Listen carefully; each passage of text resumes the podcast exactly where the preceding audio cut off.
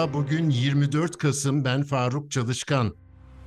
Anadolu Ajansı podcast'ı dinliyorsunuz. Türkiye solar enerji paneli üretiminde çok üst bir lige çıktı. Dünya enerji sektöründe ise nasıl bir değişim yaşanıyor? Bu haftalık podcast'ta iki konuğumuz var. Uluslararası Enerji Ajansı kıdemli uzmanı Heymi Bahar ve Anadolu Ajansı Enerji Haberleri Müdürü Oğuzhan Özsoy. Katıldığınız için teşekkür ediyorum.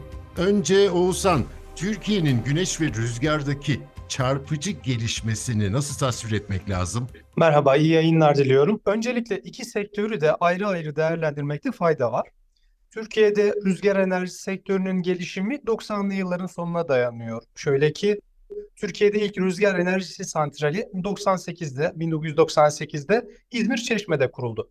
1,5 megawattlık bir kapasite ve 3 türbinden oluşuyordu. Türbinden oluşuyordu. E, o günden bugüne kadar sektörde hızla gelişti ve büyüdü tabii ki. Bugüne gelindiğinde ise 22 Kasım itibariyle Türkiye'de rüzgar enerjisi kurulu gücü 11.643 megawatt düzeyine ulaştı. Şimdi Türkiye'nin 2035 hedefi ise bunu e, 30 bin megawatt seviyelerine taşımak. E, çok büyük bir hedef. E, yaklaşık e, 10 yıllık süre içerisinde, 11-12 yıllık süre içerisinde büyük bir kapasite hedefi koydu. Şu anki mevcut duruma baktığımızda ise tekrar bizim e, ülkemizde 361 rüzgar santrali bulunuyor. E, bu da 4200 yaklaşık türbin içinde e, barındırıyor. Türkiye'de e, üretilen elektriğin %12'si ise rüzgardan geliyor. Önemli bir miktar. E, Türkiye'de e, üretilen elektriğin %12'si rüzgardan geliyor. Şimdi bu kurulu gücü düşündüğümüz zaman biz e, Türkiye dünyanın e, en büyük kurulu gücü sıralamasında 12. sırada, Avrupa'da ise 6. E, sırada yer alıyor. Hatırı sayılır bir kurulu güce sahip. Tabii e, aynı zamanda pazar büyüklüğü açısından baktığımızda da sanayi açısından değerlendirdiğimizde de Avrupa'da sanayi anlamında 5. rüzgar sanayisine sahip. Şöyle ki 1,5 milyar dolarlık yıllık ihracat kapasitesi e, şu an oluşmuş durumda rüzgarda. E, yaklaşık da 25-30 bin kişilik doğrudan istihdam sağlanıyor Türkiye'de bu sektörde. Rüzgar e, kurulu gücünde sanayinin de gelişmesiyle birlikte ekipman da biz çok üretiyoruz. Yani ekipman tedarikinde çok önemli bir noktada Türkiye aslında kule, kanat, jeneratör ve e, bunun dışında pek çok aksamı üreten yüzlerce tesisimiz var Türkiye'de.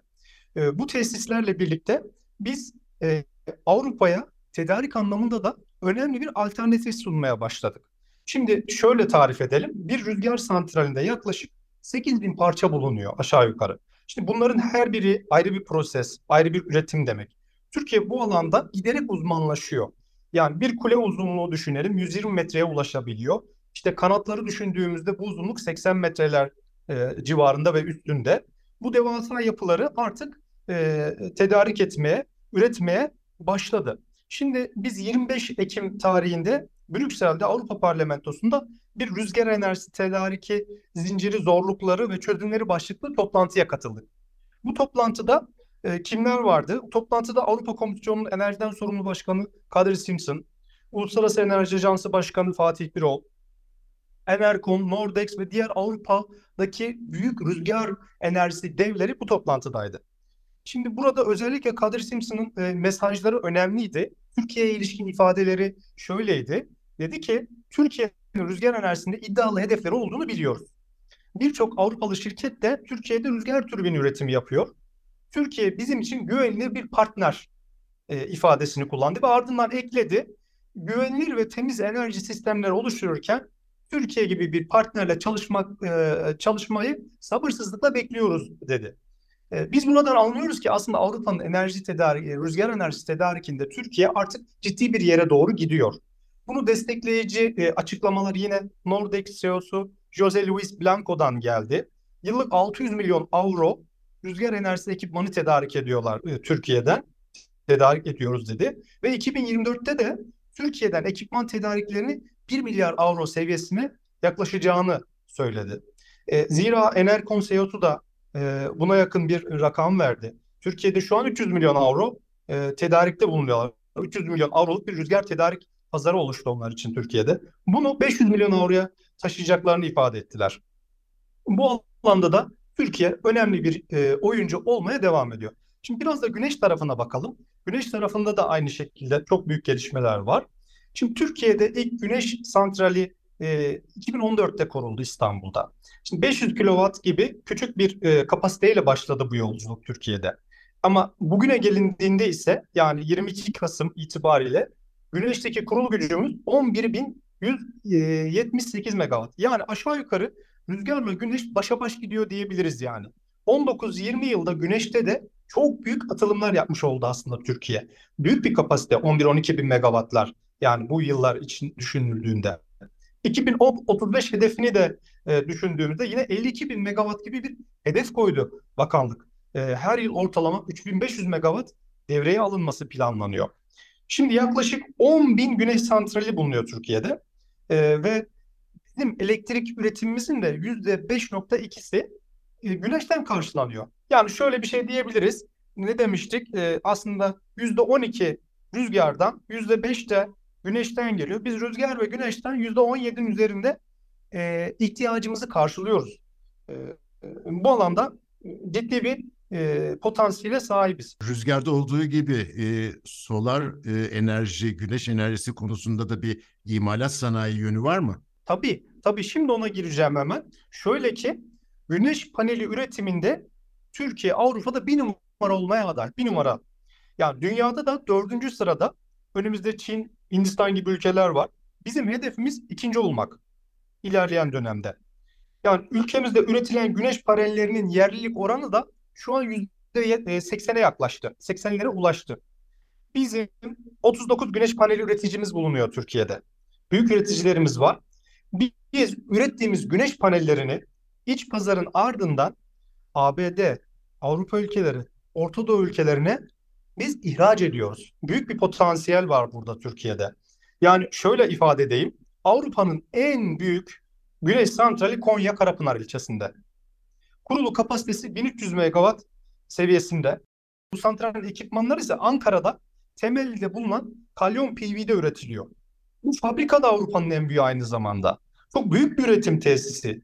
Yani en e, ham maddeden, en temelden e, panel üretimine kadar her aşamada üretim e, üretim e, yapılıyor bu fabrikada.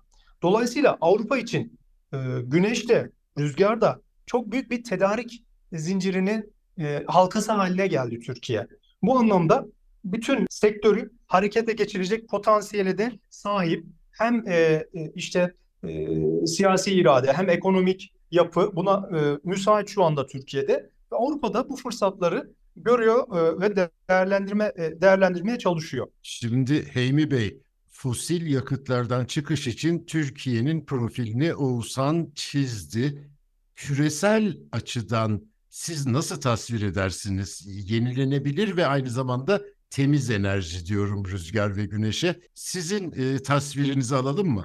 Teşekkürler öncelikle e, davetiniz için. E, dünyada e, temiz enerji e, sektörü inanılmaz bir e, büyüme gösteriyor e, ve bunu şu şekilde tanımlayabiliriz. E, geçtiğimiz sene e, kurulan e, santrallerin e, boyutu bir önceki seneye göre e, yaklaşık yüzde otuz gibi bir artış gösterdi ve e, bu senede e, daha da büyük bir artış e, bekliyoruz.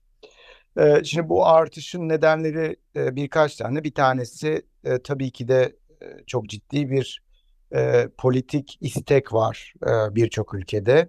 Özellikle COP28'e e, gireceğimiz bu günlerde bir birçok ülkede nasıl daha hızlı bir şekilde e, temiz enerjiye geçişi gerçekleştirebiliriz ile ilgili bir sürü politikalar öne sürüldü e, ve sürülmeye de devam ediyor. Bu birinci etki. İkincisi de e, yenilenebilir enerji sektörünün e, temiz enerjiyi getirmesinin dışında bir de e, nasıl e, arz güvenliğine katkıda buluna, bulunacağına dair de bir e, momentum oluştu. E, özellikle e, geçtiğimiz iki senede. E, bu momentum da tabii ki de onların e, değerini ikiye katlamış oldu yenilenebilir enerji sektörünün. e, hem ucuz e, hem temiz hem de arz güvenliğini e, arttırıyor e, üçlüsü e, gerçekten çok büyük bir e, momentuma e, ulaştı diyebiliriz. Özellikle e, enerji krizinden en çok etkilenen Avrupa'da e, bu e, çok ciddi bir seviyeye geldi. Tabii ki de arz güvenliğinden bahsettiğimiz zaman otomatik olarak Oğuzhan Bey'in de bahsettiği e, e, diğer e, bu materyaller nereden geliyor, bunlar nerede üretiliyor gibi bir sürü e, tartışma konusu var şu an dünyada. E, biliyorsunuz ki şu anda Çin e, dünyadaki e, solar e, güneş panellerinin e, yaklaşık %80 ile 90 arası hangi e, üretim segmentine baktığınıza göre değişmekle beraber e, üretiyor. E, ve çok ucuz üretiyor ve çok kaliteli üretiyor e, bu arada. E, onun dışında tabii ki de bu bir e, arz güvenlik e, riski e, teşkil ediyor. Bunun e, ülkeden bağımsız ya da üreticiden bağımsız olarak tek bir ülkede bu kadar ciddi bir e, konsantrasyonun olması e, tabii ki de bir risk herhangi bir ürün için. E, baktığımızda güneş panelleri ve e, rüzgar türbinlerinin e, temiz enerjiye geçişteki önemini varsaydığımızda e, bu konsantrasyon tabii ki de çok e, büyük bir sorun haline gelebilir önümüzdeki yıllarda. Onun için e, ben de burada çok ufakça Türkiye'nin e, rolüne değinmek istiyorum. E, Avrupa'da e, güneş enerjisi üretimine e, eskiden bir lideriydi biliyorsunuz. Bunu çok hızlı bir biçimde 2008 yılından itibaren e, Çin'e bir kayış oldu. E, ve sektör başka bir noktaya gitti. E, Türkiye'de hem e, talebi hem arzı destekleyerek e, çok iyi bir yere geldiğini düşünüyorum. E, özellikle de e, bu üretim tesislerinde biz dünyadaki bütün politikalara baktık. Bu üretimi destekleyen politikalara güneş sektöründe. Ve aldığımız sonuç şu tek bir talep ya da tek bir talebi destekleyerek ya da sadece üretimi destekleyerek bir yere varamıyorsunuz. Bunların ikisini aynı anda ve çok organize yapmanız gerekiyor. Türkiye bunu başaran birkaç ülkeden bir tanesi. Size bir sürü başarısızlık örneği verebilirim. Bu konuda çok var çünkü. E, ama bir başarı örneği olarak Türkiye'yi vermek burada çok önemli. Bundan bahsetmek lazım. Tabii ki bahsedildi biraz önce ama yani Türkiye'nin gerçekten liderliği Avrupa'da e, şu anda tartışılmaz bir noktada kapasite açısından.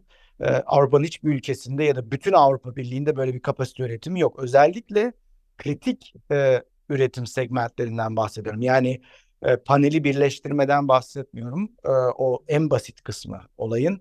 E, bir de biliyorsunuz bunun gerçek üretim kısmı var. E, Türkiye o noktada da e, çok hızlıca aktif hale geldi ve gelmeye de devam ediyor diye düşünüyorum. Küresel olarak fosil yakıttan çıkış konusuna biraz e, bakmamız gerektiğini düşünüyorum. %30 artışlarla çok kısa süre içinde herhalde elektrik meselesini fosil yakıtlardan çıkaracağız diyebilir miyiz? Valla e, bu noktada e, haklısınız. Çok elektrik sektörü ilk defa ilk defa dekarbonize olacak yani tamamen e, bizim modellerimize göre. Çünkü e, teknoloji var. E, üretim e, yenilenebilir enerji sektöründen ucuz. E, bu nedenle çok hızlı bir biçimde bir geçiş olacak elektrik sektöründe. Öncelikle e, kömürden başlayarak e, daha sonra e, gazın azalmasıyla beraber ya da işte stabil devam etmesiyle beraber çünkü gaz hala gerekli belli noktalarda bir de e, enerji e, stoklamasıyla alakalı çok ciddi gelişmeler de oluyor dünyada. E, bunların e, ikisini birleştirdiğiniz zaman yenilenebilir enerji sektörü çok güçlü bir e, hal alıyor. E, tabii sektörde bunu kim liderliğini oynayacak bu çok büyük bir tartışma konusu. E, her ülke e, buna çok ciddi yatırım e, yapıyor. E, ama e, bugün bir rapor yayınladık ve bu raporda çok ilginç bir e, sonuç var. İşte herkes fosil yakıt üreticilerinin nasıl geçişi sağlayacağıyla alakalı biliyorsunuz COP28'de büyük bir tartışma var. Onların yenilenebilir enerji sektörüne, temiz enerji sektörüne yatırımı yüzde birden daha az şu anda dünyada. Bu rolü kim oynayacak? Şu andaki rakamlara göre petrol ve gaz şirketlerinin oynamayacağı kesin gibi gözüküyor. Onları nasıl bir gelecek bekliyor? Tabii ki de bunu ilerleyen yıllarda önümüzdeki 20 yılda göreceğiz ama fosil yakıtlardan geçiş çok hızlı bir şekilde gerçekleşecek. Bizim beklentimiz sadece elektrik için değil tüm fosil yakıtların tüketimi için 2030'dan itibaren artık bu ciddi bir yükse- en yüksek noktasına ulaşacak artık. Daha fazla ileri gitmeyecek. Bundan sonra sadece düşüş bekliyoruz bu sektörler için. Peki küresel olarak istihdam, e, gayri safi milli hasıla açılarından ele aldığımızda fosil yakıtlar e, oran olarak geride kalıyor değil mi artık? Ee, Artık o denge geçtiğimiz senelerde değişti. Ee, Temiz enerji sektörü e, daha fazla kişiyi e, istihdama e, neden oluyor. Ee, Tabii ki de e, e, petrol ve gaz sektörü cidden hala çok büyük ama e, azalan bir trend e, içine e, girmesi e, bekleniyor. E, Çünkü e, bir şekilde eğer biz e, sıfır, net sıfır e, dünyasına doğru, emisyon dünyasına doğru ilerleyeceksek e, artık e, yeni bir e, petrol ve gaz e, yatırımı yapmamıza gerek yok. Ama eğer o noktaya doğru gideceksek ki önümüzdeki günlerdeki e, COP28 toplantısında e, bununla ilgili çok ciddi kararlar alınabilir. E, ama e, sektörde hem istihdam hem gayri safi e, hasıla olarak çok ciddi yerlere gidiyoruz. Şöyle bir örnek verebilirim. E, geçtiğimiz senedeki e, yani şu andaki 2023'teki güneş yatırımı e, petrol üretimi yatırımından daha fazla olacak. E, yani belli bir sadece güneşten bahsediyorum. Rüzgarı falan katmıyorum bunun içine. Onları eklediğiniz zaman e, yatırımlarda e, ciddi bir e, e, öncelik e, yenilenebilir enerji sektörüne doğru kayıyor diyebiliriz global E, olarak. Oğuzhan'a Oğuzhan'a geçmeden önce Heymi Bey kısaca e, bütün bu tabloda e, karbon emisyonları e, fosil yakıtları açısından söylüyorum ulaşımda nakliyede geçerli. Orada Evet. umu- orada umut var mı? Ee, orası tabii ki de çok daha zor. Umut şu, e, biliyorsunuz elektrikli arabalar e, çok hızlı bir şekilde yayılıyor. E, bu nedenle e, e, ulaşım sektörünün bir kısmı elektriğe kayacak. Bu da çok hızlı dekarbonizasyon elektrik sektöründen çok e, ciddi bir fayda sağlayacak. Bu birinci nokta. E, tabii bununla bitmiyor mesele. E, bunun endüstrisi var. E, bunun uçakları var, gemileri var vesaire vesaire. E, tabii ki de yeni teknolojilerde burada e, çok ciddi bir yatırıma ihtiyaç var. E, sentetik e, yakıt dediğimiz e, sektör e, cidden e, büyük bir e, büyüme içerisinde. Büyüme derken yani üretimden bahsetmiyorum ama e, yatırım açısından ve inovasyon açısından. Çünkü e, petrol ürünlerini e, uçaklarda ve gemilerde ortadan kaldırmak için özellikle uzun yollardan bahsediyorum. Elektrik kullanamayacağımız yerlerden bahsediyorum. E, çünkü öyle büyük bir e, e, stoklama ve bateri e, e, çok pahalı hale geliyor. E, bu nedenle hangi yakıtları oralarda kullanabilirsiniz sorusunun cevabı işte bir tanesi biyoyakıtlar e, e, karıştırılarak petrol e, ürünleriyle. Bir diğeri hidrojen e, tabii ki de ama tabii onun güvenlik olayları ve çok pahalı. Bir de sentetik yakıtlar dediğimiz e, laboratuvarda üretilen yakıtlardan bahsediyoruz. E, biyo e, atıklardan vesaire. E, bu e, noktada bir hareketlenme var ve umarım önümüzdeki yıllarda e, bu e, sektörde e, inanılmaz bir şekilde gelişerek inovasyonla buna da çözüm bulunacak diye düşünüyorum.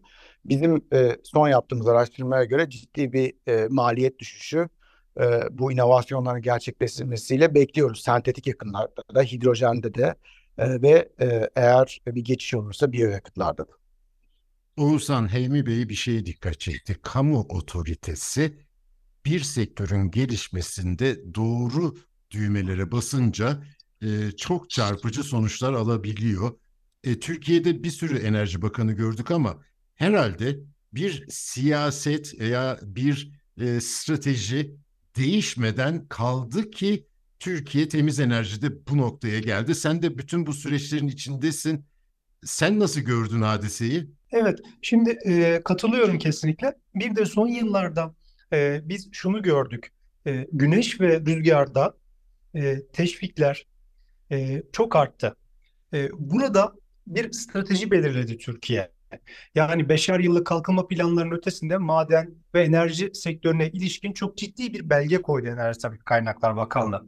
Ve kendine e, ciddi hedefler koydu. Bu hedeflerde de biz e, çok çok e, yaklaştığını, bazı alanlarda bu hedefleri geçtiğini görüyoruz Enerji Bakanlığı'nın. Bunlardan biri de aslında biraz evvel ifade ettiğimiz 11 bin megawattlar.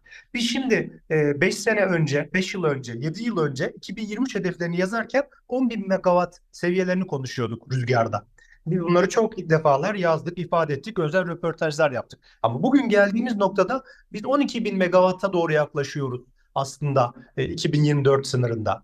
Bu e, bizim hedefleri aştığımızı da gösteriyor. Türkiye bu anlamda e, siyasi iradenin de koyduğu, ortaya koyduğu o plana e, uyuyor. Çoğu zaman da onun üstünde bir başarı gösteriyor.